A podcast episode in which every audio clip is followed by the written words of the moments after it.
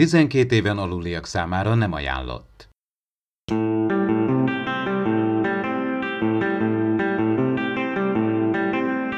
Ez itt az Impulzus Podcast, az űrszekerek Star Trek tematikus epizód kibeszélője. A fedélzeten Csaba, Attila és Dave.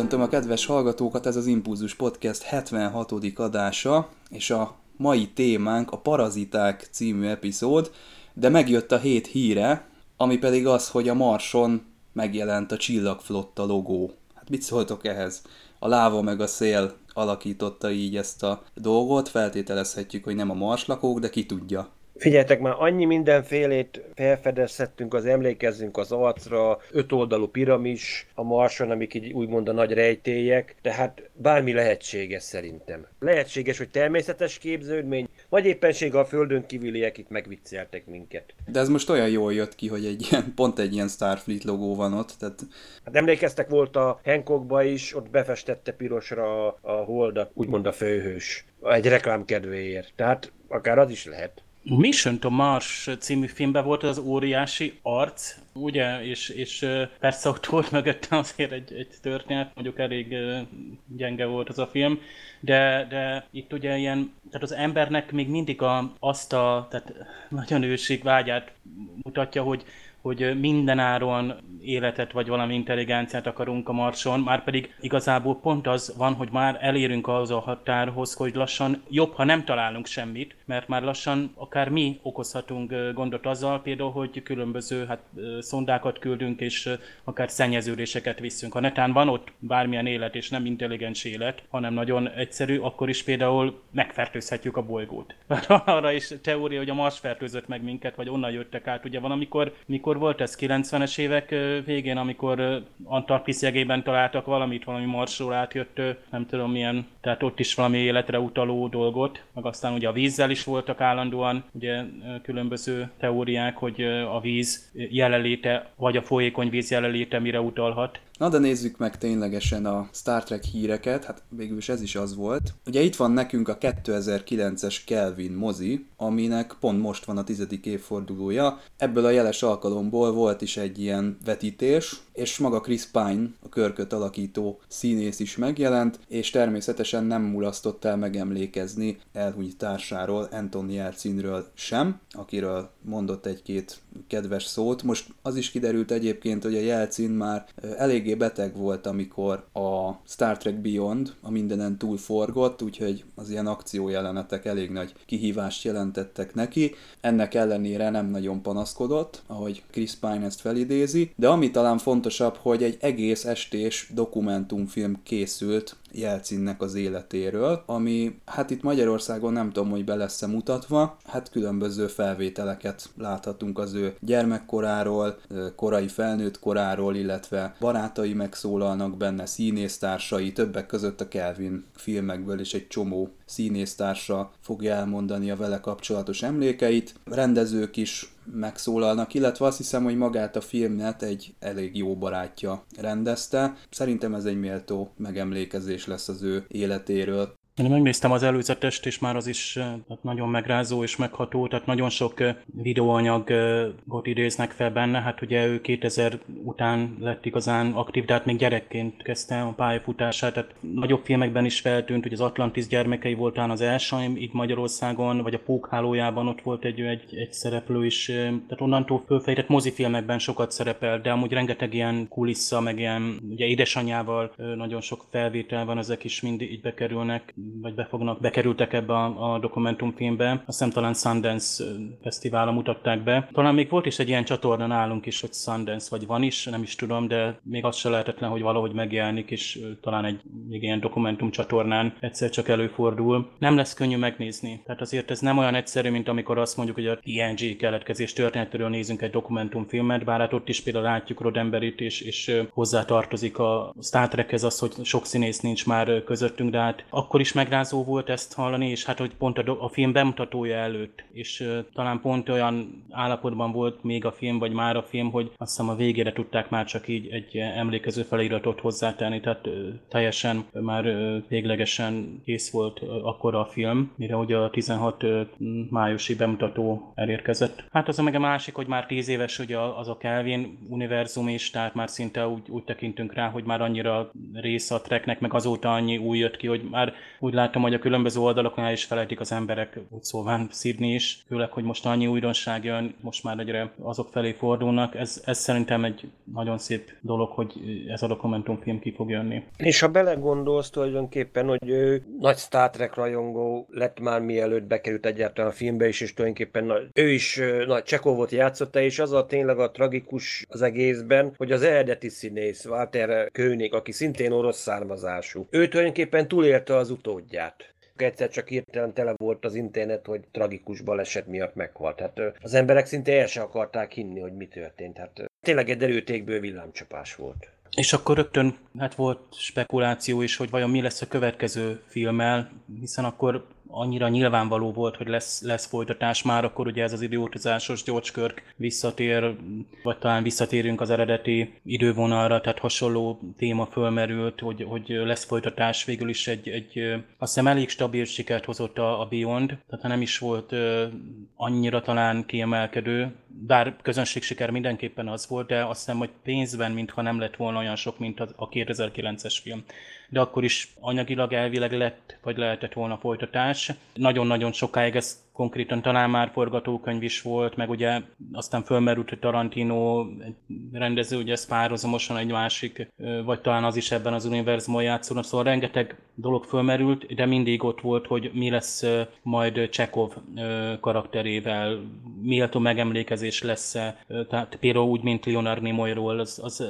egyszerűen én nagyon találónak gondoltam, nagyon jónak, amit a, a Beyondban tettek meg ott ugye, ahogy láttuk azt az eredeti legénységes csoportképet, hiszen Mr. Spock, a Leonard Nimoy által akított Mr. Spock ugye onnan származott, és ez egy nagyon szép gesztus volt. És hát Zachary Quinto meg tényleg ott, én azt mondom, hogy ott ő miért utódja lett. Hát nem tudom, hogy hogyan tudnák. Mondjuk vannak ezek a képregények,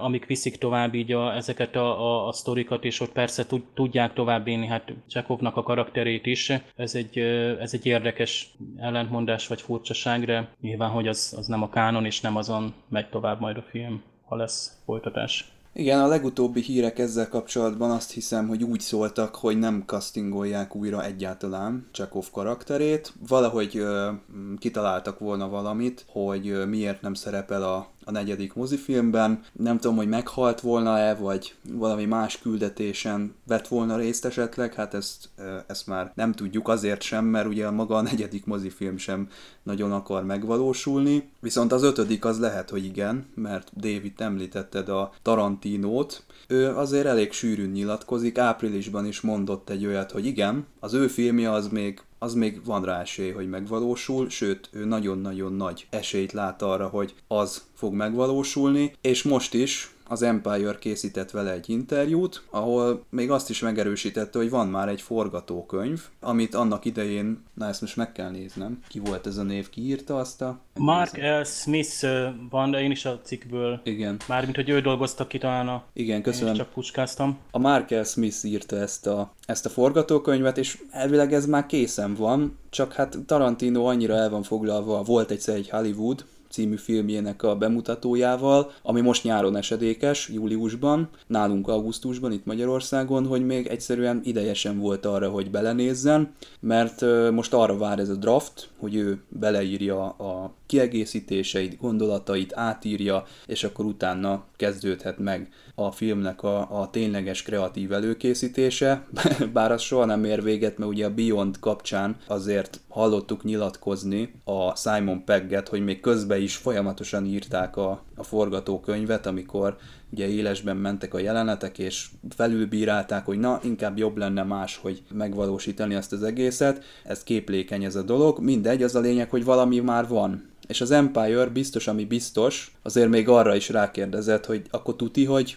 rated R tehát 18 éven felülieknek lesz ez a, ez a film. Azt hiszem a Rated R az odakint 17 éven felülieknek, nálunk már ez minden bizonyan azt jelenti majd, hogy hát vagy 16 éven felülieknek, vagy 18 éven felülieknek szól a film, ezt majd a Dave kijavított, hogy ez hogy is működik itt az átképzés a, a tengeren túli korhatárbesorolás meg a magyarországi között, de az a lényeg, hogy igen, megerősítette, hogy ő csak is akkor fogja megrendezni ezt a filmet, hogyha ez egy felnőtteknek szóló Star Trek kaland lesz. Én most megnéztem itt a különböző track oldalakon, hogy hogy reagáltak a, a rajongók, és hát meglepődve tapasztaltam, hogy most sokkal ellenállóbbak voltak, mint annak idején, amikor ez először kiderült, mert hogy ez nem most merül fel először, ezt tudtuk, de valahogy most nagyon sok olyan kommentbe ütköztem, hogy ajjaj, hát azért a Star Trek az nem, nem kifejezetten egy ilyen 18 pluszos műfaj, tehát az pont azért jó, le tud ülni a család, és akkor a legkisebbek is, meg a legnagyobbak is tudnak rajta szórakozni, úgyhogy sokan ezen emiatt az ellenőrzésüket fejezték ki. Többen megvédték, hogy a Star Trek most már ilyen is és olyan is, tehát lesznek különböző sorozatok is, amik különböző műfajokban, meg különböző attitűddel készülnek, és a mozifilmek is ilyenek lesznek. Hát itt ebben annyi a, a gubanc, hogy mozifilmből most jelenleg ez az egy az, ami így kilátásban van, hogy megvalósul, mert ez a Chris Hemsworth-ös történet, ez, ez, ez tényleg sehol nincs. És az előbb azt mondtam ugye, visszatérve gyorsan a, a jelcínre, hogy ő beteg volt a, a harmadik mozifilmnek a, a forgatása alatt, ő cisztás fibrózissal küzdött. Aki nem tudná esetleg nem ebben, nem a betegsége vezetett ahhoz, hogy, hogy meghalt, hanem 2016-ban történt egy ilyen tragikus baleset, amiben elvileg a saját autója ütötte őt el. Ezzel kapcsolatban részleteket nem tudom, azt hiszem voltak is pereskedések ezzel kapcsolatban az autógyártóval. A kézifék kioldott egyébként, mert állítólag nem működött, a, ahol laknak, az elektromos kapu nem működött hát mechanikusan akarta kinyitni, mivel automata váltós terepjáróról van szó, és állítólag a úgymond parkolóállásba tette, és akkor ödömant az ajt kocsi elé, hogy akkor ő tényleg kinyitja akkor mechanikusan, és állítólag valami, valami történt, és gyakorlatilag az autó kiment parkolóállásba, és gyakorlatilag rágurult az autó, gyakorlatilag oda nyomta ahhoz a vas kapuhoz. Tehát oh. itt valami, itt tényleg, itt tényleg az autógyára volt valami pereskedés, mert állítólag, hogy ez, állítólag ez valami szériahiba volt, volt. Igen. Mégis nem tudom, hogy mi lett a pereskedés hát vége, hogy, de valami, tulajdonképpen ez egy, egy, tényleg egy, egy tragikus, azt mondom, egy banális baleset volt az egész sajnos. Igen, ezért bátorkodtam én is kiavítani, hogy nehogy véletlenül itt félreértés legyen. Na de, Tarantinohoz mit szóltok, és a és a szigorú korhatár besoroláshoz szerintetek a Star Trekbe belefér az, hogy legyen benne mondjuk, mit tudom én, káromkodás, vagy vagy explicit, brutális jelenet, vagy, vagy bármi olyan, amit egy Tarantino filmben megszoktunk mondjuk végül is egyfajta káromkodások nagyon minimálisan vannak a Star Trekben, amik, mert szerintem tényleg az odáig, hogyha esetleg mondjuk a Klingon mond valamit, és nem fordítják le, vagy esetleg olyan a Spock típusú, hogy a pokolba velük, ezek még szerintem beleférnek, de tényleg ami az ilyen ponyvaregény stílusig, én mondjuk személy szerint azt mondanám, hogy nem menjünk le, nem menjünk el idáig ennyire. Hát nem véletlen az, hogy tulajdonképpen a Star Trek az ilyen korhatár nélküli sorozat volt mindig is, hogy gyakorlatilag egy 11 éves gyerek is meg tudja ugyanúgy nézni, mint akár egy 80 éves. Hát ott van a texasi ismerősöm, neki a 11 éves gyereke elkezdte nézni a TNG-t, és tényleg el van tőle ragadtatva, és, és tényleg abban tényleg nincsen káromkodás, vagy csak legfeljebb annyi, hogy mindig Wesleynek azt mondják, hogy hallgasson, de jó, hát mondjuk a gyerek úgyse a tévéből fogja először meghallani a csúnya szavakat, mert úgyis általában a, saját kis mikro mikrokörnyezetében, akár iskola, óvoda, onnan fogja összeszedni ezt a fajta szókincset, de nem is tudom, végül is a Star Trek egyfajta ilyen kulturális missziót is mindig beteljesített. Eredetileg nem az volt a lényeg, hogy na most akkor mindent ököllel intézzünk-e, hanem meg is lehet beszélni. Ilyen szempontból én azt mondom, hogy mondjuk akkor Tarantinónak egyébként kicsit vissza kellene magát fognia. Meglássuk, hogy egyébként mennyire lesz beleszólása, hogy most a saját ízlése szerint rendezze meg az új filmet. Mm, nyilván, ha őt kérik, akkor már őt is akarják, tehát uh, akkor nem tudom, hogy mennyire írnák át. Christopher Nolan-től néznék meg egy vagy bármelyik Nolan-től egy, egy Star Trek filmet, tehát valami grandiózus nagy dolog néha. Tehát ezekben a Star Trek, ugye a Kelvin univerzum, ahol ugye azért jól működnek a karakterek, de, de, de a storyból valamennyire azért hiányzik az a, tehát még több eszencia vagy filozófia, amit tehát elfogadtunk és megszoktunk az idők folyamán, tehát az utóbbi tíz év alatt. Ilyen módon lehet, hogy nem lenne annyira harsány és kirívó most, ha Tarantino készít egy Star Trek filmet, vagy besorolnánk úgy, hogy, hogy ez is egyfajta Star Trek. Ugyanakkor a Attila felé hajlok abból a szempontból, hogy azért diverzitás van, meg tényleg itt képregényekről, regényekről, bármiről beszélünk, de azért mondhatni a Star Trek ha nem is annyira szűk határok között, mint a Doctor Who, hogy az mégiscsak tényleg egy családi science fiction kalandfilm sorozat. Tehát a, a Star Treknél, tehát lehet, hogy jó stílusban most átmentünk a képregényfilmek stílusára, és még a Discovery is valamiképpen ezt követi, bár tényleg nívós és sok, sok Star Trek tartalmat hordoz. Attila legutóbbi cikke azt is bizonyítja, hogy, hogy abszolút helye van a kánonban. Itt majd a mozgástér például, hogy mennyit kell elolvasnia a Tarantinónak, vagy a Mark L. Smithnek, vagy aki írta a forgatókönyvet, vagy már megírta. Ugye ezek ilyen treatmenek, vagy nem is tudom, hogy nevezik ezeket, ilyen előzetes, nagyon képlékeny, ilyen nem storyboard, hanem attól már azért fejlettebb, vagy nem tudom, hogy milyen fázisban van, amikor még bele lehet illeszteni, teszem azt például a kánonban valaki, vagy netán tévedne, lásd, amikor a Simon Pegg újraírta a Beyond forgatókönyvét, akkor is után néztek még dolgoknak, és, és próbáltak ugye még kánoni vonatkozásokat bevinni mondjuk, hogy a régi rajongók maguknak is örömet szerezzenek. Már régen, ugye hányszor mondjuk ezt, hogy 50 év után már nem lehet azt mondani, hogy egyfé, egyféle stílussal megelégedhet a Star Trek. Tehát lehet, hogy így, így szétágazik, és így ilyen elágazások, utak lesznek, és útkeresések lesznek, hogy bemutat egy ilyen irányt, és lehet, hogy közönség siker lesz, lehet, hogy, hogy, hogy egy trilógia bontakozik ki belőle, vagy lehet, hogy azt mondják, hogy egy egyedi vállalkozást, vagy egy, egy olyan, ami, ami nem járható út. Én, én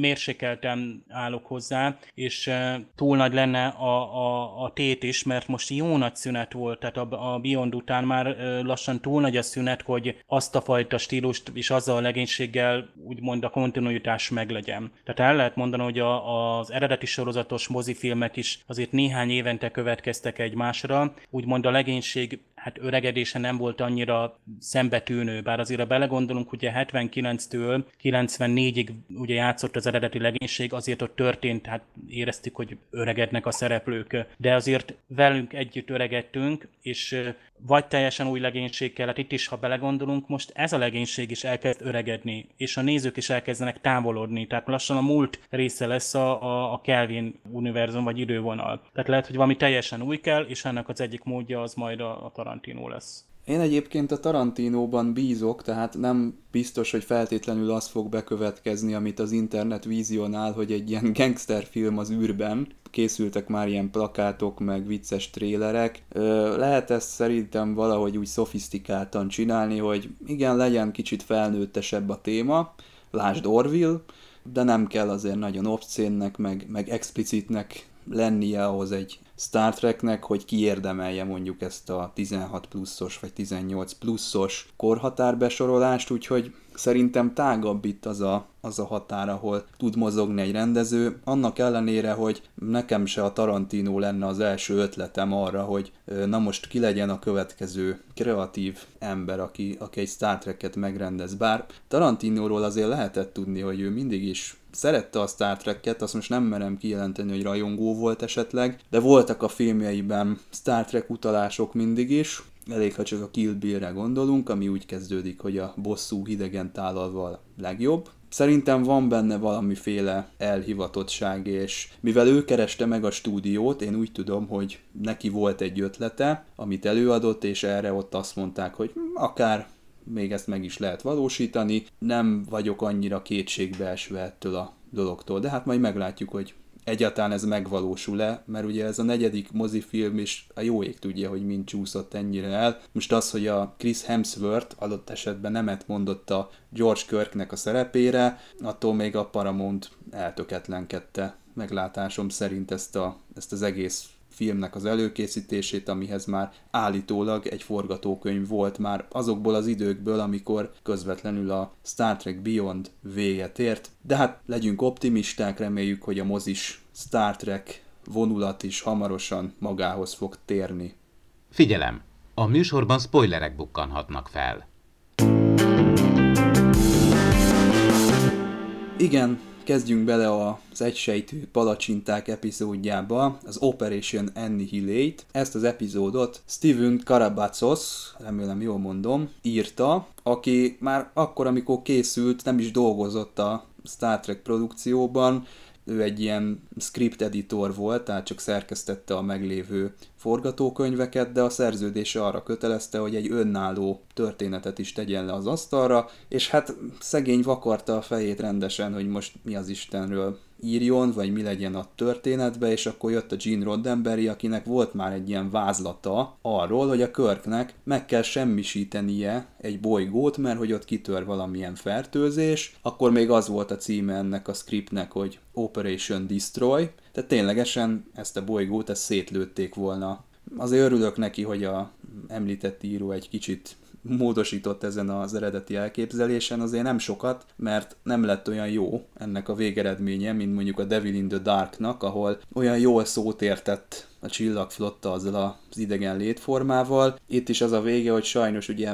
meg kell semmisíteni, kapcsolatfelvételre semmilyen lehetőség és semmilyen esély nincsen. Mondjuk nem is nagyon próbálkoznak, de hát tegyük hozzá, hogy nem nagyon látok én arra esélyt, hogy mondjuk egy egysejtű lényel sikeresen lehessen tárgyalni. Ez így, így alakult most ebben a, ebben a részben. Én tulajdonképpen az érdekesebb epizódok közé raknám. Megint megtudunk dolgokat Spockról is, de megtudunk magáról Körkről is, hogy tudjuk, hogy van egy bátyja, amiről egyébként eddig nem tudtunk, és akkor ő is tulajdonképpen itt is áldozatul esik a, ennek a fertőzésnek, és nagyon sok minden továbbra sem mondanak ki, például, hogy itt tudjuk, hogy egy fertőzésről van szó, valami járvány, ami bolygókat pusztít, hogy most ezt hogyan hordozta, hogy mi hordozta egyáltalán, mert azért, mint láthatjuk ezeket a egysejtűeket, valaminek ennek hordoznia kell, mert az űrben nem tud repülni, jó, hogy ellenáll nagyon sok mindennek, de valahogy ennek naprendszerek közti távolságot le kell győzni, és gyakorlatilag eddig nem volt, nincs semmi ellenszer. Hogy azért az elmúlt, úgymond a 23. századhoz képest tényleg évszázadokon keresztül ott a környék a környező naprendszerekbe gyakorlatilag kipusztította az életet. Hát tényleg a hordozókon keresztül terjed, ugyanúgy, ahogy a Spock betör a hídra és megpróbálná elkormányozni a hajót, ugyanúgy a az ottani civilizációknak ugye megfertőzte a jó részét, és ők hajókon keresztül áthorták a, ezt a... Menekült hajókon. Ez Igen. mondjuk a klasszikus egyébként a fertőzésnek a egyik klasszikus válfaja, mert akik menekülnének egyáltalán a vészelő, gyakorlatilag ők maguk a hordozók. Nekem mondjuk most már egy utólag eszembe jutott egy másik sorozat, azt hiszem 2000-es évek elején a titok, hogy ott is volt egyébként egy ilyen óriás baktérium, igaz, az egy párhuzamos dimenzióból jelent meg, de valami hasonló ötletet próbáltak benne feldolgozni. Minden esetre azért tudjuk, azért 60-as évek, azért itt ekkor még azért a, jobban fértek az emberek a járványoktól. Még nincsen se éjt, se ebola. Tulajdonképpen ekkor már ugye a himlő ellen van védőoltás, számos egyéb betegségeken, tehát úgy tűnik, mintha tényleg mindenféle betegségtől az emberiség közeljövőben akár meg tud szabadulni. És ehhez képest akkor most bedobtak egy ilyen, úgymond Michael Crichton előtt bedobtak egy ilyen ismeretlen vírust, ami, ami, ami ellen eddig nem volt ellenszer. És most már tényleg most már földi kolóniákat is veszélyeztet, mint a, láthattuk a Denevát. Ezek a lények vagy teremtmények egysejtűek, voltak, tehát ez egyetlen sejt volt, tehát azok a különálló, mert itt arról van szó, hogy különállóak ugyan, de valahogy együtt cselekednek, tehát mintha egy nagyobb Igen. egységhez tartoznának, Pontosan. és ezért is Egységűek, de valamilyen módon valahogy mintha kapcsolódnának úgymond ilyen csoporttudatként. Egyébként azért ilyenkor nincs kifejtve, tehát nincs véglegesen megmagyarázva, hogy honnan jöttek, mit akartak, de vannak olyan utalások az eredeti sorozatban, ezért, ezért borzasztó értékesek ezek az epizódok, hogy megint jön egy teljesen másfajta lény, tehát a Hortához hasonló, mondjuk nekem aztán az Andromeda tör is eszembe jutott, hogy mennyire be voltam rezelve, amikor azt, azt láttam először a, a tévében, tehát hogy valahonnan kívülről jött egy másik teljesen idegen világból, annyira különbözik tőlünk, sőt még a anyag törvényei és másokat fézerel se lehet lelőni. Tehát ami első látás ilyen leveles tésztára hasonlít, vagy rántottára, esetleg tükörtojásra, az egy nagyon masszív és félelmetes lényként jelenik meg, hiszen magát Spockot is, aki már többször így bizony, bebizonyította, hogy azért ő sok mindennek ellenállt. Itt is egyébként kiderült, hogy ő egyfajta acélember, mert nem csak a füle, hanem a szeme is nagyon jó. És ez a lény, ez azért is félelmetes, mert amit művel az emberrel, tehát hogy az ember az, az a fájdalom, amit okoz, vagy az a, a tehát amit, amit még Spock is éppen, hogy kibír, és így mond az embereket bábként használja, tehát a terjesztést végül is az emberek végzik el. Ha jól értettem, hogy itt nem a tehát itt a civilizált területeken terjedt el maga ez a, hát mi is volt ez végül is vírus, vagy, vagy azt a magyar cím mi is? Paraziták, Paraziták. ugye? Ugye Annihilate, a Operation Annihilate, tehát a művelet megsemmisítés, hát ez ugye utal Körknek a döntésére, ami egyébként, hát ez a borzasztóan erős szál, ami, tehát a Körk Spock, McCoy, Triumvirátus most nagyon nagy, hát most még nagyobb a gáz, mint ami szokott lenni, mert most ugye itt millió emberek sorsáról is van szó, meg a, akár az egész galaxiséről. Kodosz a hóhér. Érdekes. Most éppen Körk kön a sor, hogy döntsön akár. egy egy nagyon nagy dilemmáról, és könnyen oda kerülhetett volna, mint Kodosz, ugyanabba a helyzetbe. Tehát, hogy valami jó szándék, de, de mégis egy, egy de hát még Spock is azt, azt javasolja, hogy érvelnek is számokkal, amit McCoy határozottan utasít, sőt Kirk végig kategorikusan utasít az, hogy, hogy hát emberek itt 11 labor van a fedélzeten, ez egyszerűen nem terjedhet tovább, és nem hajlandó elfogadni azt a megoldást. Tehát egy nagyon határozott kiállás, és hajlandó azért Spockot kockáztatni, nyilván Kirk is mérlegel, tehát valamit tenni kell. Egy picit Körk és szem, nem tudom, tehát keveset láttam Körk, tehát nem nehezedett Körkvállára, vagy nem jelentek meg azok az érzések, amik lesújtják a bátyja miatt. Egyszerűen ezt nem nagyon értettem. Tehát egy kicsit háttér meg ott volt hogy az unokölcse is. Tehát egy picit, mintha ott félretették volna, mert a Spock mint hordozó, és akkor az ő megmentéséről is szólt, meg nyilván az egész kolónia megmentéséről a dolog. Egyébként pont a német cím egy picit így leszűkíti az egészet, hát a, a magyar cím is elég vészjósló, hogy parazitánk, bár kicsit lelövi a, a, a poént, úgymond a német cím meg egyenesen csökkenti a tétet. A német azt mondja, hogy Spock a Husser kontroller, vagyis Mr. Spock a fékevesztett, vagy magán kívül. kontroll nélkül Spock, Magán, magán kívül. Igen, ez volt egy trükk, de szerintem itt, itt ezek a beszédes címek, ezek kicsit csökkentik az epizódnak a tétjét. Na mindegy, itt, itt nagyon nagy tétek voltak, viszont én úgy éreztem, hogy a, a, a Samuel Kirk az mintha ő itt teljessége elfeledkeztünk volna az epizód során róla, mert ö, itt a, a Spock került ö, középpontba. Tehát nagyon a triumvirátusra koncentrálunk megint, hát pedig azért itt Körköt óriási csapás érte. Igen. Azt vágjátok egyébként, hogy a Sam Körk az maga William Shatner, csak bajusszal? Tehát ez valami fantasztikus, és jó, nem látjuk csak pár másodpercig, de... Ugyanaz, hogy tényleg itt a bátyja nagyon hasonlít. Én is annak idején, amikor még németül néztem, én nekem is feltűnt, hogy itt ki ez, mert hirtelen nem tudtam, és utána, amikor utána olvastam, hoppá, hát itt a bátyjáról van szó. Hát családi hasonlóság. Vizuálisan borzasztóan tetszett a, a, az epizód. Először vagyunk egy olyan bolygón, ami hát fejlett városi környezetet mutat. Tehát itt, itt, itt van egy kolónia, ami hát nem ilyen barlanglakások vannak már, hanem egy ilyen urbánus környezet, tehát kifejezetten is nem is industriális, hogy mondjuk bányász telepek vannak, ha bár ez is, azt hiszem ez a telep is így a környező kolóniákat látja el, tehát itt cserekereskedelem folyik, sőt valamilyen bolygó közé, hát turista hajó is, ahol, ahol menekült az egyik kolonista a bolygóról, és belerepült a napba. Hát az is, hát turista hajóról, hát manapság hallunk persze, hogy turist, űrturistákat visznek fel, mindenféle orosz űrhajók, és be lehet fizetni, de ez valahogy a Star Trek világában, tehát vele gondolsz, hogy, hogy miért ne? Tehát miért ne utazhatnál két bolygó között éppenséggel ilyen egyszemélyes turista hajóban, mert te kibérelted azt, és mint egy autót bérelsz, és, és tehát ez megint a mindennapi életet, meg a, az a környezet, ahova lesugárzunk, az is egy teljesen, mert egy, egy nagyvárosi környezet, ez lehetett volna bármelyik uh, magyar nagyváros, Észak-Magyarországon is egy ilyen kicsit modernebb ilyen létesítményekkel. Szóval itt, itt jó, meg hát a hét felső kameráját is bekapcsolják megint, és ha jól megnéztek, az elején egyenesen négy segédtisztnő, az egyik majd, hogy nem Spock ölében ül, de Szuló mögött is van egy hát vörös egyenruhás tisztnő, aki most fokozottan nagy szerepet kap, mert végig Körk mellett van, és, és folyamatosan, tehát vagy diktálnak neki, vagy utasításokat kap, bár a Körk sokszor ignorálja, mert például van egy ilyen tanácskozás, ott a Spock és McCoy bent ül, plusz két segédtisztnő, de Körk, amikor belép, akkor úgy szólítja meg őket, hogy uraim. Persze nyilván lehet, hogy a fordítás más, tehát itt úgy, úgy vélem, hogy itt, itt a, a szinte az évad végére itt, itt szinte azt mutatták meg, hogy már az Enterprise is tehát teljességgel egy olyan hajó, ami tehát itt szinte fele arányban nők szolgálnak, akkor itt egy, hát mondjuk a kolóniából nem látunk annyit, hogy azt mondtuk volna, hogy ez teljességgel hihető, mert a, hát itt a, pont a, terj, a vírus terjedés, hát nem vírus, ez nem is tudom, minek kéne mondani, tehát a fertőzés miatt, ugye a tömegőrület miatt itt kiürül, tehát amikor végsöper az a járvány, itt kiürülnek a, a, az utcák, tehát ezért nem látunk embereket, bár azt, azt szerintem elég szemletes lett volna, hogy, hogy itt őrjöngő embereket lássunk. Azt szerintem az, az belefért volna, tehát pont az eredeti sorozatba. Említik egyébként a sorozatban, hogy ezt tulajdonképpen egymillióan laknak ezen a bolygón, és ebbe a városba százezeren laknak. Tehát százezeren, tehát mint egy fővárosként. Tehát tulajdonképpen egy nyegyháza nagyságú város látunk, és na most nem tudjuk pontosan, de Neva most mit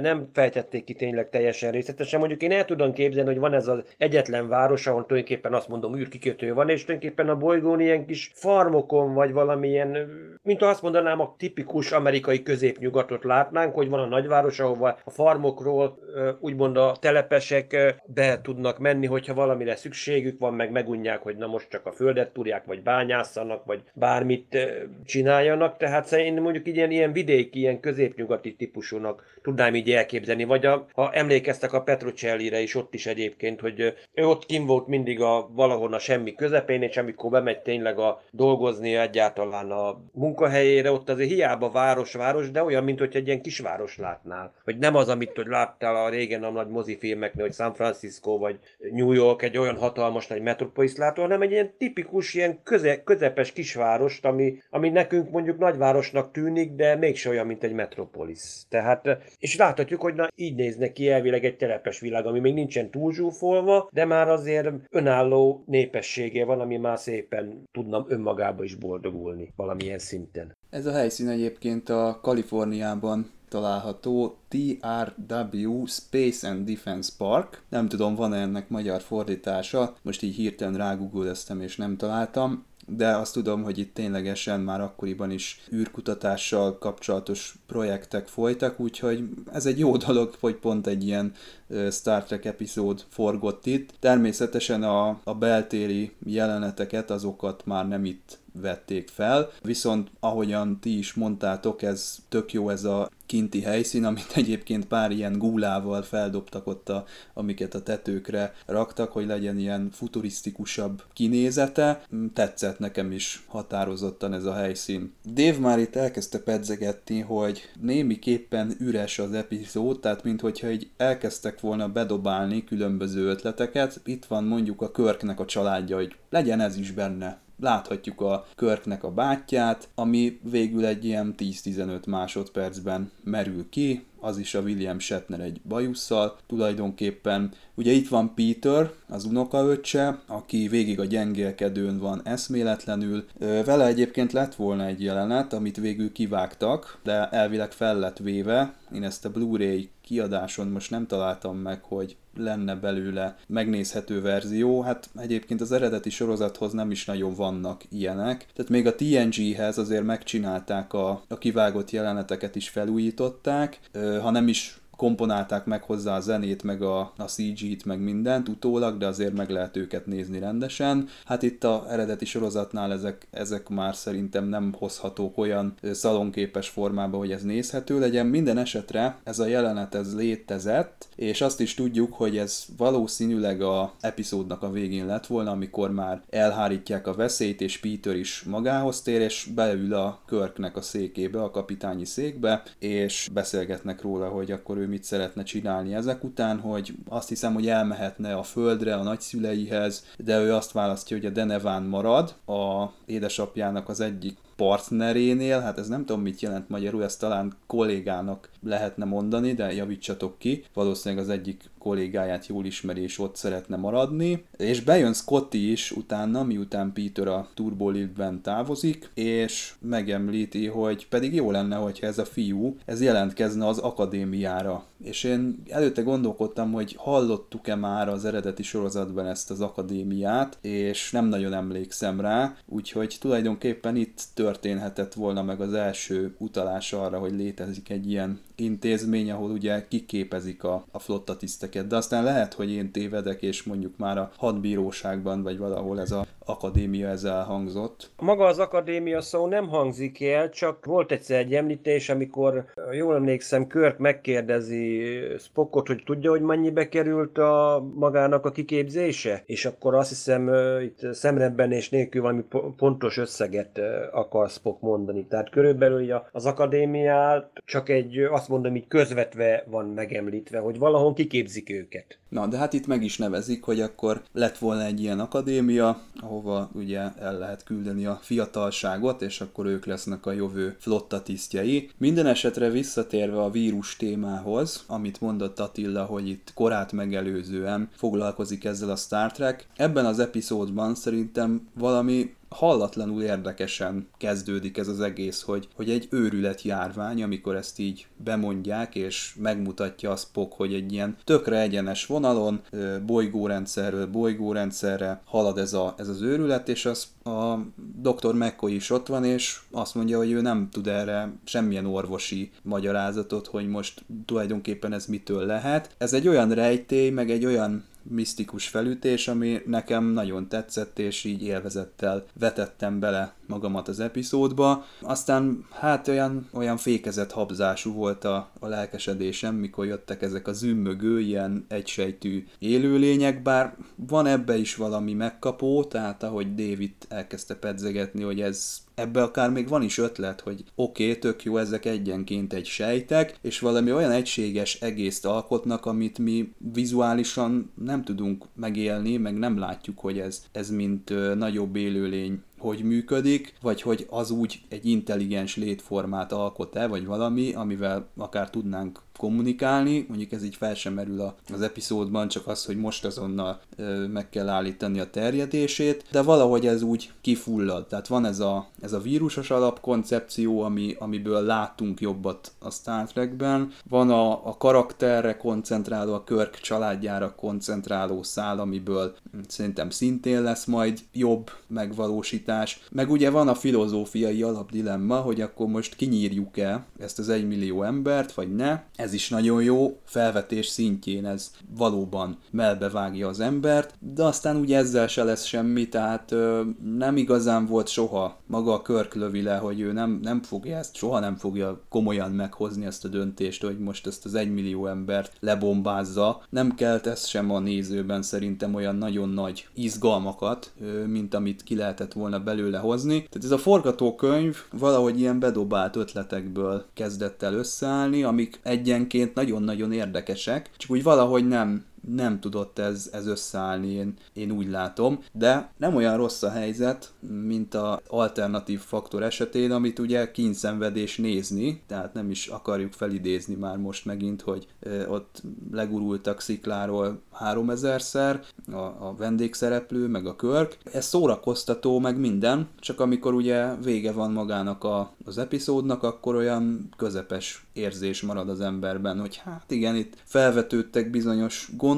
de nem biztos, hogy a, a Star Trek szintjén sikerült ezt megválaszolni, akár úgy, mint egy Devil in the dark hogy igen, itt van valami, amitől félünk, amitől rettegünk, amit nem értünk meg, és egyszer csak kommunikálni tudunk vele egyet tudok vele érteni, hogy egy jó alapötlet, csak éppen tele van haigálva, hogy nem állt össze egy egészé. Elvileg most akkor nagyon sok minden, ami egyébként nagyon sokszor a tosznak egyébként ilyen gyermekbetegségének tudnánk mondani, hogy az epizódok általában önállóak, és le van zárva, és akkor a rajongó, a néző tele van mindig kérdésekkel, amikre nem kap választ később se, hogy most hiába próbálja magába tovább gondolni, nem, nem kap elég információt, hogy na most ez, hogyha ez ilyen csoport csoport tudatként, vagy egy kollektív tudatként tud működni ez a, ez a fajta parazita, akkor ez most értelmes, nem értelmes, eddig mi nem tudták megfékezni, nagy igazán nagy professzionális horrorok előtt vagyunk, mert ez szinte ilyen horror előfutára, pedig tudjuk, hogy azért a Amerikában is már akkor azért elég jó pár horrorfilmen túl voltak, de ez egy kicsit horrorisztikus részei, hogy tényleg mindig itt van valami járvány, a járványt ráadásul valamilyen idegen dolog terjeszti, meg önmaga az a járvány, tehát azt mondom, hogy ez az epizód, ez tulajdonképpen megelőzte tulajdonképpen akkor hát mondjuk 10 évvel később, akár, vagy 20 évvel később, azt mondom már sokkal jobban ki tudták volna dolgozni magát a történetet is. Ez egy ilyen, azt mondom, hogy idő előtti epizód bizonyos szemszögből. Nagyon sok jó ötlet, amik így eltűnnek az epizód közben, és vannak apró logikátlanságok, bár a Körk elég következtetett, tehát ő hozzáállása elég határozott, tehát amikor például Spock is írtást javasol, akkor Körk mindenképp ragaszkodik egy másik megoldáshoz, tehát Spock hajlandó lenne feláldozni magát, hiszen gyakorlatilag őt is megfertőzte a, a lény. Egyébként itt teljességgel nincs megmagyarázva, hogy mi a célja ennek az organizmusnak, mi, mi a, a, a cél, főleg akkor, ha a gazdatest elpusztul. Cél nélkülű szaporodás tulajdonképpen nagyon sokszor látható ilyeneket csak gazdatestnek használja, aztán utána nem érdekli, hogy mi történik a gazdateste, hanem csak, hogy tovább terjedjen, mert itt valami olyasmit mond talán Spock is, hogy, vagy nem is tudom, hogy Spock mondja, vagy Kirk Sógor nője, hogy kézként és lábként használ minket, és űrhajókat épített velünk, vagy nem tudom, talán ott a magyar fordítás megint így homályos, hogy miről, miről van szó, hogy működne ez a, ez a teremtmény. Viszont ha már itt beszéltünk itt a, a, a Körknek a, a családjáról, itt, itt lassan szép lassan vezetődik be az epizód. Nagyon kevés néző emlékeztet szerintem a, a Samuel Kirk említésére, hiszen őt még a, a What Are Little Girls Made of című epizódban említették, és hát uh, itt ez meg már a, az évad vége, sőt talán az utolsónak is forgatott uh, rész, de akkor is szép lassan jövünk rá, és még talán a főcím előtt, hogy hát amikor Körk egy magán, tehát távközlő állomással akar kapcsolatot létesíteni, egyébként Uhurának itt a, nem is tudom, ilyen kicsit kelletlenül, mert nem is érti, hogy, hogy Körk miért akar egy magánszámot hívni, hát persze, hogy aggódik a, a, a bátyja miatt, és, de nem mondja ki, vagy úgy tűnik, hogy többiek nem tudják, hogy itt él a, a családja. Tehát ez, ez is érdekesnek tartom, vagy aztán itt fölmerül az, hogy, hogy már egy éve nem volt kontakt ezzel a Deneva kolóniával, na már most gondoljunk bele, hogy egy évig nem válaszol egy kolónia, ami ráadásul ilyen kereskedelmi központ, vagy ilyen átrakodó állomás, akkor azért az idő alatt csak kapcsolatba léptek volna velük. Tehát már vagy 8 hónapja föl tűntek ezek az életformák, és hát ahogy Spock is mutatja ezeken a térképeken, amúgy Attila most már akkor érthető, hogy miért vannak azok a gyönyörű szép csillagtérképek ott a, a hídon, a konzolok felett, hogy aztán időnként a Mr. Spock megmutassa, hogy hát egész véletlenül éppen itt és itt és itt terjed ez a fertőzés. Tehát itt legalább meg majd a magyarázat. Bár ha mondjuk ezek ilyen állóképek, és még több epizód múlva is ott lesznek, akkor megkérdezik, hogy még mindig a Deneva fertőzésnek a terjedését látjuk, akkor már pedig már azt el is felejtettük, és megoldottuk a, a problémát. Na mindegy, a másik az, hogy a triumvirátus itt már nagyon előtérbe került, ha bár a McCoy még mindig csak az epizód végén van kiírva, hogy a DeForest Kelly is szerepelt, de akkor is, tehát amikor a Spock hát ott van a gyengékedőn leszíjazva, akkor olyan, mintha megállna az egész élet a hajó, nevezetesen nagy nincs terv, hogy, hogy mi legyen, tehát nincs stratégia a probléma megoldására. Amikor hát Spock fogja magát és kirobban ott, és a gyengékedőt elhagyja, aztán mindenki összegyűlik a transporter helyiségben. Ott jön először csak egy olyan stratégia, hogy hát kell egy begyűjtött példány, akit meg kell vizsgálni. Tehát azért van ez a sok labor az Enterprise fedélzetén, hogy ilyen problémák estén alapos vizsgálatot végezzenek, és hát ki mehet le, az, aki már meg van fertőzve, ez, ez, a, ez a Spock. Tehát megint a logikája kikezdetlen, ezt Körk is elismeri. Amúgy másképpen meg úgy érezzük, hogy a, mintha nem lenne kompetencia. A McCoy például most nagyon alul teljesít, mert hát ő azt mondja, hogy ő mindenféle tesztet elvégzett, meg hát ott vannak a laborok. Ilyenkor egyébként legalább így a McCoy szokott olyat csinálni, emlékeztek, hogy megszólítja mondjuk, hogy nem tudom, szövetvény labor jelentkez, vagy, vagy biolabor, megvannak-e már az eredmények. Itt még szinte ez sincs, bár ugye Csepelnővér felbukkan, azért ő egy üde jelenségét, mert már nagyon régen láttuk, a Major Rodemberit, és nem is tudom milyen régen, most utána lehetne nézni, és hát itt azt hiszem egy nagyon finom utolás megint van, hogy ő közte és Mr. Spock között, tehát legalább az, hogy aggódik érte. De akárhogy is Spockot, hogy egyedül hagyják a gyengekedőn, ez a szokásos, hogy van valaki, akit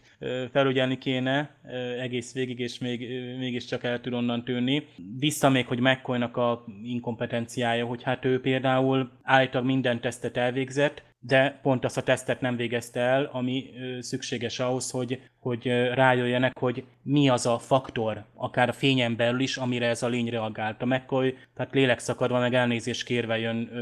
vissza oda a Spockhoz, miután már a, ezt a fény erős fénydózist megkapta, hogy hát hú, hát elég lett volna az ultraviola is, és elnézést kér utólag is. De szerencsére utólag Spocknak is eszébe jut, és a homlokára csap, hogy ja, ő neki kettős személye van, és amúgy akkor mégsem volt probléma ez a nagy fénydózis. Tehát itt, itt, itt előtt sziválunk dolgokat, meg elfelejtünk dolgokat, és egy picit olyan összecsapott ez a rész. Tehát ezért nem mondom azt, hogy zseniális, de amúgy nagyon nagy ötletek vannak itt is benne, de hát ezek a... Szóval ilyen, ilyen feledékenységek, mint hogy a Spock erről nem tudhat saját maga ellen tudálni egyébként, akkor legalább nem kéne aggódni érte, meg hogy McCoy elfeledkezik, hogy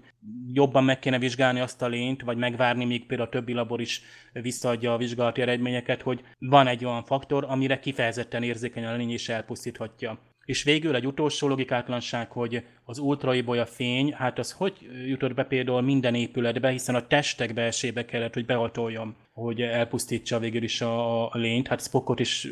borzasztó erős fény sugárözön árasztott el, hogy hatásos legyen a kezelés, és ez, ez apróság, ami egyébként megbocsátható még az eredeti sorozatban. Meg ha belegondolsz, tényleg itt említetted, hogy ezt a személyet, hát száz éve úgymond a föderáció létezik. Hát nem igaz, hogy azért McCoy nem tanul mondjuk vulkán fiziológiát, legalább az alapokat, hogy miben különbözik az emberi test, meg a vulkáni test. Tehát akkor eleve... Nem, meg... nem adták át, tehát a vulkáni medicina de szóval ismeretlen Spock... volt, tehát a, a McCoy fokoztosan jön rá a Spocknak különböző hát bajai révén, hogy mert a vulkánek egyszerűen nem nyilatkoznak róla. Tehát vannak ilyen szégyellősök, és hát ezt ezt igen, igen logi- logikus, a... hogy nem mondjuk el, hogy uh, hon van a májam, igen. igen. Erről nem beszélünk. De viszont az, hogy azért ilyen kötelező orvosi vizsgálatokat megkolynak, azért végre kell hajtani a legénységet. Tehát nem igaz, hogy nem csinálj egy teljes tesztkennert, már csak kíváncsiságból is, hogy na, fog vajon ne, vagy csak a, csak a fülével különbözik, vagy esetleg máshol is. Klingonoknál is azért csak két tüdő, két, két szív, két lép, És meg ilyenek van. Jó, nem folytatom, de az, hogy viszont az, hogy neki akkor legalább így a magán dolgokban azért, azért Spock is azért, hogyha mondjuk esetleg, ne, esetleg véletlenül beteg lenne, bár úgyis ezt letagadja, mert nem logikus, hogy ő beteg legyen, azért olyankor csak megvizsgálja valamilyen szkennerrel, azért csak észreveszi, hoppá, hát magának miért? Miért van két szemhéja? Mondjuk érdekes, hogy egy, ha emlékeztek az N-be, a Koho című epizódban, amikor lemennek ugye a szuraknak a katráját, amikor megtalálják, akkor mondjuk Töpol említi is egyébként, hogy neki van egy belső személye is, azért nem zavarja hát az Archer sem írt jelentést mindenről ezek szerint. Hát vagy lehet, hogy éppenséggel is elfelejtette, nem, nem foglalkozott vele, ott elég baja neki, ott kis vulkáni agykeveredés. Örült, hogy túlélte azt a forróságot, meg a szuráknak a jelenlétét az agyában.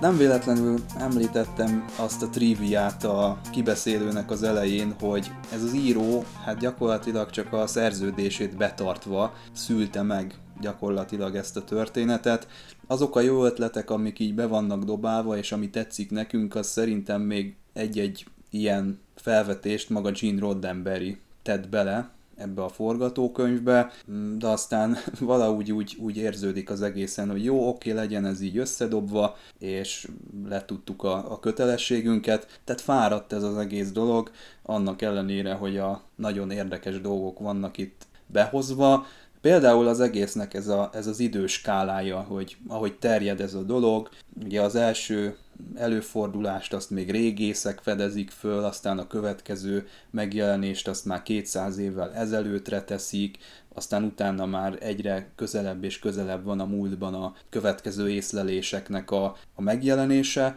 Tehát ez engem felcsigázott itt az elején, ez az egész terjedés, hogy ez mitől lehet. Talán, hogyha egy kicsit ilyen misztikusabb marad, és nem lettek volna ezek a repülő tojásrántották, akkor, akkor lehet, hogy jobb lett volna, bár annak idején azért a tévésorozatokban nem, nem nagyon volt példa az ilyen high concept megvalósulásra, kivéve a Return of the Archons itt a Star Trekben, az egy ilyen az sem túl jó, úgy emlékszem, hogy nektek az nem annyira tetszett, de nekem az pont azért állt hozzám egy kicsit közelebb, mert olyan próbált egy kicsit olyan több lenni, tehát olyan skifi novella-szerű volt a, az egész. Na most itt ez, ez, ahogy mondtam, szórakoztató, de nagyon erősen közepes, tehát minden tekintetben egy, egy közepes ez az évad záró. Semmi tragikus egyébként, csak volt benne több, nagyobb volt ebben a potenciál, mint ami végül így kipréselődött belőle. Igen, mondjuk nevezhetném én is úgy, hogy az a ki nem használt lehetőségek epizódja. Nem mondanám én se, hogy mondjuk a kedvenc epizódjaim közé tartozik, mert tényleg, ahogy te Csabi is mondod, hogy azért nagyon sok mindent, hogyha kicsit misztikusabbra vesznek, amit egyébként későbbiekben láthattunk uh, sorozatokban, azért emlékezünk, például az Andromeda sorozatban ott volt a Bokor, ami szintén ott is tulajdonképpen ilyen para, hát egyfajta parazitaként terjedtek tovább egyébként egy egyfajta csoportudat, vagy még tudnám mondjuk hasonlítani ehhez a Stephen Kingnek a Rébkoppantók című művét, hogy ott is tulajdonképpen megfertőződtek azzal a valami idegen lélekkel, vagy valami, valami szintén rákényszerítette az embereket, hogy olyasmiket épít építsenek, ami, ami arra, ahhoz volt szükséges, hogy egyáltalán rendbe tudják hozni az űrhajót, hogy ismét elmenjenek tovább. Tehát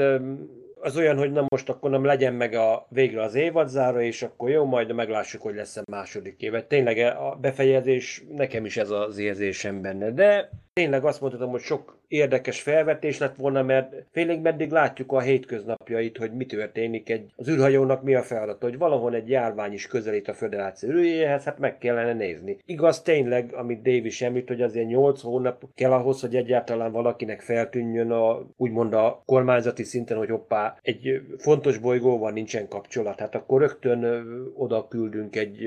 űrhajót, hogy derítse ki, nem pedig ülünk rajta a jelentésen, mert azért bármi megtörténhet. Azért a világ nem, egy, nem, és, nem éppenséggel egy barátságos hely. Hát ahogy a filozófusok mondták, hogy az univerzum az legjobb esetben is csak közömbös, tehát, és nem barátságos. De azt mondom, hogy tulajdonképpen ebbe is benne van lényegében a Star Treknek a lényege, hogy igen, hogy most egyből sterilizáljunk-e, hogyha egy valamivel szemben állunk, vagy pedig próbáljunk valami olyasmit, olyan megoldást találni, ahol tulajdonképpen a sajátjainkat is tudjuk védeni, mert tényleg az lett volna a legegyszerűbb, hogy tényleg sterilizáljuk a bolygót, és ott van egy millió átatlan, akit meg kell semmisítenünk, mert különben tovább terjed ez a fertőzés. És persze természetesen azért megtudtunk azért újabb dolgokat is azért magáról Spockról is, és a végén úgymond az epizódnak a hangulat kicsit feloldódandó, megint megvolt a szokásos kis verbális csata McCoy és örök Vikta partner Spock között. Ahol természetesen a harmadik nevető félként Körk volt a szemlélő. Azt még én egy picit korajnak éreztem, tehát hogy Körk is felszabadultan nevetést tréfálkozik sőt, hát Spocknak a gyógyulás is hát a csodába illő, persze így meg volt a magyarázat, de a, a, három tisztnek az egybeforrottságát nagyon szépen kifejezi ezt, hogy hát a McCoy is mennyire kedveli Spockot. Tehát ez egészen a ugye második, harmadik, negyedik mozifilmig végig vitt mozzanat, hogy nem hajlandó beismerni, de hát itt is elismert, hogy a flotta legjobb első tisztje, és uh, nyilván hogy a Mr. Spock uh, füle túl jó, és ezt, ezt, uh, ezt meghallja. Tehát ez egy nagy erény a, a, a sorozatnak, hogy amikor még nem volt olyan következtes karakterfejlesztés, talán a Spockkal se tudtak még annyira mit kezdeni, lásd a Cage Spockját, akkor azért itt egy valamit érzünk, míg ha a többi szereplő tényleg jön, men, megy, és néha báb szerepe van, hát itt például Uhura is időnként meg megszólal, de nagyon sok esetben háttérbe szorul, a szolút a főcím végén látjuk, amikor filmesztelenül vív, az nem tudom miért van mindig bevágva, talán mert ugye az első évad még, még úgy csinálták, hogy ugye a leforgatott epizódokból, bemutatott jelenetekből vágták össze a főcímet, az új változatban is így van. Tetszik, tehát a karakterek, a színészek azok, tehát a fő három főszereplő jó, azon kívül picit elhanyagoltnak érzem, hogy egy nagyon jó, megint egy tudományos alapprobléma és erkölcsi dilemma, az kicsit gyorsan le lett csapva, ha bár kellett egy megoldás, és plán pont akkor kezdtek el gondolkozni a megoldáson, amikor már a néző is eljut oda, hiszen ez a lény, ez kellőképpen ellenszenves és visszataszító is, tehát itt nem merül fel a nézőben az, mint a Hortánál, bár ott is határeset volt, hogy a néző szimpátiát érezzem. Ugye itt hiába, hogy utalás van, hogy nagyobb egységhez tartozhat, és valamilyen célból befolyásolja a, az embert, de nem merül fel az, hogy egy érző lény netán kommunikálni kellene vele. Mert azzal elmentünk volna egy olyan irányba, hogy ha még a lényt is meg akarjuk menteni, plusz a kolóniát, plusz Mr. Spockot, akkor itt ez már, egy, ez már nem, nem lett volna egy tisztességes üzlet, ahogy a Spock, amikor hát feláll és kijön a kamrából, ez, annak a drámaiságát annyira érezzük amikor Spock elindul, mindenki azt hiszi, hogy hú, minden rendben van, és neki botlik az asztalnak, és hú, akkor még sincs minden rendben. Ezzel Spock a logikája alapján tisztességes üzletet kötött hiszen a, nem tudjuk, hogy mekkora lehetett, de valószínűleg hát ő vulkáni fegyelmezettsége révén ő jól bírta azt a fájdalmat, amit a lény okozott. Ezt egyébként, ha mondjuk egy emberen mutatták volna, tehát keveset látunk abból, hogy a kolónia lakói mit éltek át, hát egyedül ott a, a Samuelnek e, a feleségén, tehát a Körk sógornőjén, és lehet, hogy ezt tőle így mond a nézőt is megkímélték, bár a, a Mr. Spockra, tehát nyilván ha valakit egy főszereplő támad meg egy vírus, akkor azért ott reméljük, ha bár utolsó rész volt, és én most javítsatok ki, de én, én úgy olvastam, hogy ekkor még, amikor ezt az epizódot forgatták, már pedig mégiscsak utoljára forgatták itt a legtöbb forrás szerint, hogy igazából még itt sem volt teljesen biztos a Star Treknek a, a folytatása. Sőt, ekkoriban volt még az, hogy a Gene Roddenberry és Harlan Ellison, ők egyfajta hát komitét hoztak létre, hogy megmentsék a sorosztot, és a science fiction rajongóknak leveleket küldtek, amiben rávilágítottak rávilágítottak a, a sorozat vészes szituációjára, és arra kérték a rajongókat, hogy küldjenek az NBC-nek leve, leveleket, hogy biztosítsák a, a sorozatnak a folytatását, és úgy tűnik, hogy ennek volt egy, egy nagy hatása, mert epizód leforgatása után néhány héttel az NBC végül is elhatározta, hogy engedélyezi a másik évadra folytatását a sorozatnak. Talán azért is, mert nem is volt egyébként más alternatíva erre az, az adás helyre. Egyébként ma hihetetlen, hogy 50 év után is nagyon hasonlóan működ, működik, működnek a nagy országos csatornák, hogy egy sorozat eltűnik, a csökkenő nézettség miatt a helyére abba az adásidőbe kerül valami más, de az nem bizonyul olyan jónak, és alternatívákat keresnek, és, és folyamatosan hát a mostani Star hordozó CBS is igazából hasonló módon operál a, a különböző adáshelyekkel, sokszor kedvezőtlenebb adásidőbe szorítva hátra egyes sorosztokat, aztán annak még jobban lecsökken a nézettség, és aztán a végén már nem is nézik annyian, fele, felére csökken a nézettség, és persze utána könnyen mondják, hogy nem kell folytatni, mert nem érdekli az embereket. A Star Trek is az ismétlésekkel is, ha jól tudom, a délután, mert ugye eredetleg 8 órakor vettették, ha jól tudom, a 66-os szeptemberi bemutató után, és hogy az ismétlések azok délután vagy hétvénként voltak, amikor még többen oda tudták ültetni, tehát a családi nézettségek nőttek meg, és ez, ez, ez mindvég megmaradt hogy családi sorozata a Star Trek, és ezért nehéz lett volna egy olyan alternatívát találni, ami ilyen, ilyen kérdéseket, mint ez az epizód, és én, én nekem például ez összességében ez, ez a jó epizódok között van, pont a kérdésfeltevés a, a, a dráma között, nagyon szeretem, amikor a, tehát a, én, én teljességgel el tudom fogadni, hogy így működik az eredeti sorozat, hogy a Kirk, Spock és McCoy van a főszerepben. Nincs másra idő, és nem is lenne, ha bár van időnk, mert 48 perc az sok idő, de, de itt, itt fölösleges volna most például például több dolgot behozni, a Scottiról, a Szulóról, az Uhuráról, vagy pont Chapel névéről, aki most tér vissza, vagy most fog majd intenzívebben visszatérni. Tehát bőven ez a, tehát a, a színészek is hozzák azt a teljesítményt, és szerintem pont, hogy a néző elvárás is alapvetően ezek lettek, hogy, hogy a három fő karakter fölé épül, aztán persze a későbbi track soroztak próbálnak ezzel a 7 hetes számmal operálni, és mindegyüket egyen, egyformán hangsúlyozni, amiből az lesz, hogy vannak esetleg unalmasabb epizódok pont abból, mert regulár regulárisan betesznek, most tegyünk be egy, egy részt egy olyan, olyan karakterrel, aki fő karakternek számít, de már nagyon régóta nem volt a, a középpontban, és építsünk rá egy sztorit, és nem biztos, hogy lehet ráépíteni. De a Kirk, Spock és McCoyra mindig lehet, főleg ha az egyikük érintett. Most a Kirk érintettségét egy picit úgy érzem, hogy amilyen súlyos volt, nem láttam nagyon, ez kimaradt biztos, hogy a forgatókönyvből, és nem a, a, a, a színésznek a teljesítménye volt rosszabb, de összességében ez, ez, ez, egy, ez számomra egy újra nézős epizód, a kolónia megjelenítése miatt, például az új változatban nagyon szépek az apróbb, például a, a szondák, pontosabban ezek a szatelitek, amik a, az UV sugarakat bocsátják ki, aztán valami 200-at lőnek ki, és ott lehet is látni, hogy gyönyörű szépen hát kilőnek, és, és szétnyílik az egyik, és elkezdi a, a, a sugárzást, akkor a napba berepülő turistahajó, az is szépen van ábrázolva, egyáltalán az Enterprise a bolygó körül, ezek a jelenetek a, a, talán a legszebb város vagy kolónia képet kapjuk. Nagyon sok eredeti van még, meg a festett hátterek is gyönyörű szépek, de egy ilyen élő igazi helyszín az, az, az tényleg egy, egy, csúcspontja volt szerintem a, a külső helyszíneknek. Egy váratlan kérdés még fölteszek nektek. Mik voltak az első évad csúcspontjai? A The City on the Edge of Forever-t nem ér mondani, mondjuk játsszuk így, de azért próbáljuk meg összegyűjteni, hogy melyek voltak a legjobb epizódok.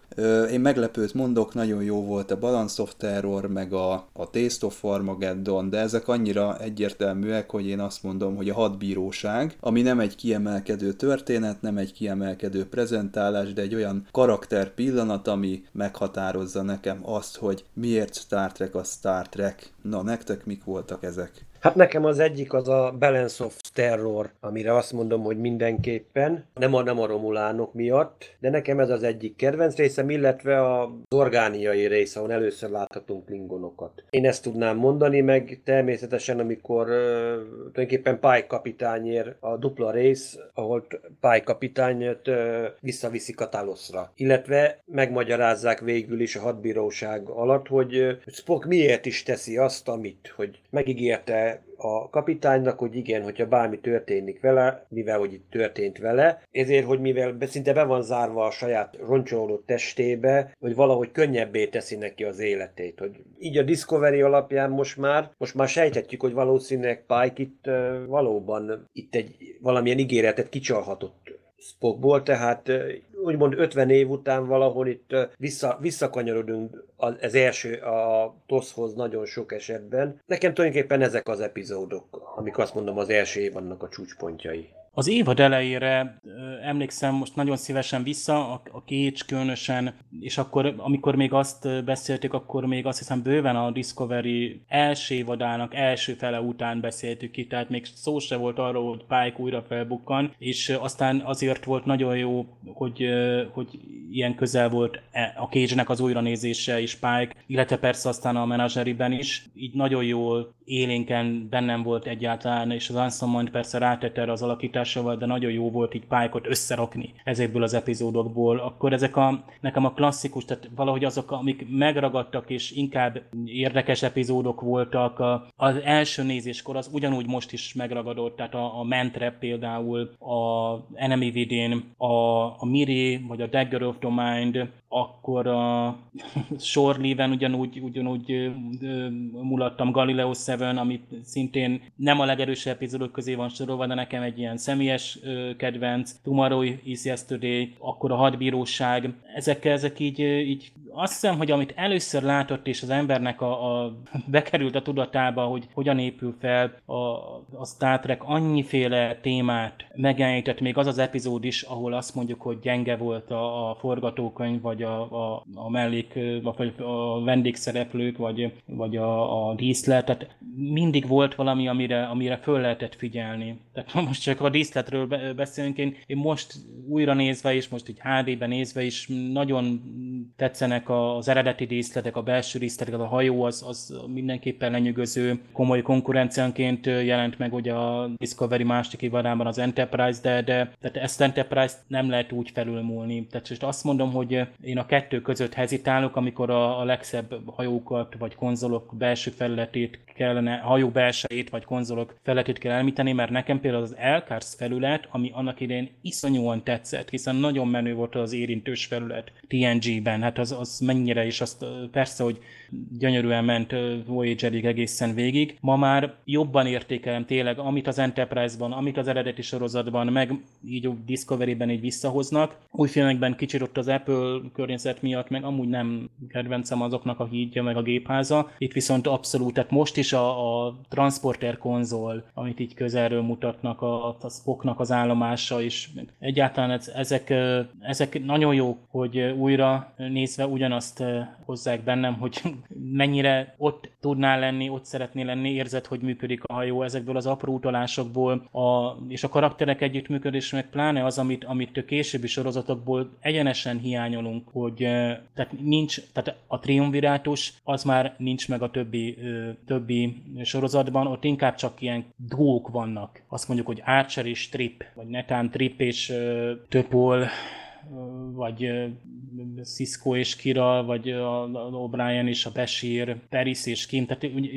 nincs ez, ez a fajta, hogy három színész, vagy három karakter együtt, és ö, mégis érzed, hogy egyik, jó, mondjuk Mr. Spocknak a, azért ö, tudjuk, hogy ö,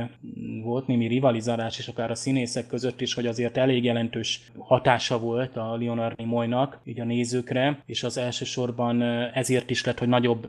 szerepe lett a karakternek, de az ettől függetlenül nagyon kiegyensúlyozottan hozzák azt, hogy itt a, a, a döntések, az eseményekben való érintettség, ezt, ezt gyönyörűen hozza az első évad. És én hát mit 30 vagy 29 epizódon keresztül itt, itt ha azt kéne mondani, hogy van-e erős első évad, akkor az első sorozat, az eredeti sorozat első évad a legerősebb, mármint hogy a többi sorozatnál mind látjuk, hogy, hogy, hogy az első évad, második évadra se épül fel igazán az, hogy mit szeretne majd ez a sorozat mondani, míg itt azért, ha bár itt távolról sincs annyira előztes koncepció, mint a most későbbi soroztoknál, amikor már eleve úgy csinálják a marketinget, hogy hú, ez micsoda legénység lesz, és micsoda összefüggő sztorit kapunk, és lehet, hogy mégsem. Miközben itt azért itt idézőjelben szedett-vedett legénység, de Attila még bele is szólsz, hogy nem szedett-vedett ez a legénység, és egyáltalán nem az, csak jól működik, és nem hiába, és örülünk, hogy megkapta a másik évadot, mert akkor is folytathatjuk a újranézését. Étosz, pátosz és logosz, ugye ez a Kirk, Spock és McCoy, ezen alapul az eredeti sorozat egyensúlya. Várjuk a hozzászólásokat, kommenteket, számotokra mi volt az eredeti sorozat első évadának csúcspontja, többet is lehet írni, Hát köszönjük szépen azoknak, akik eddig velünk tartottak. A jövő héten a rajzfilm sorozat első két epizódját fogjuk megnézni, és jövünk vissza. Sziasztok!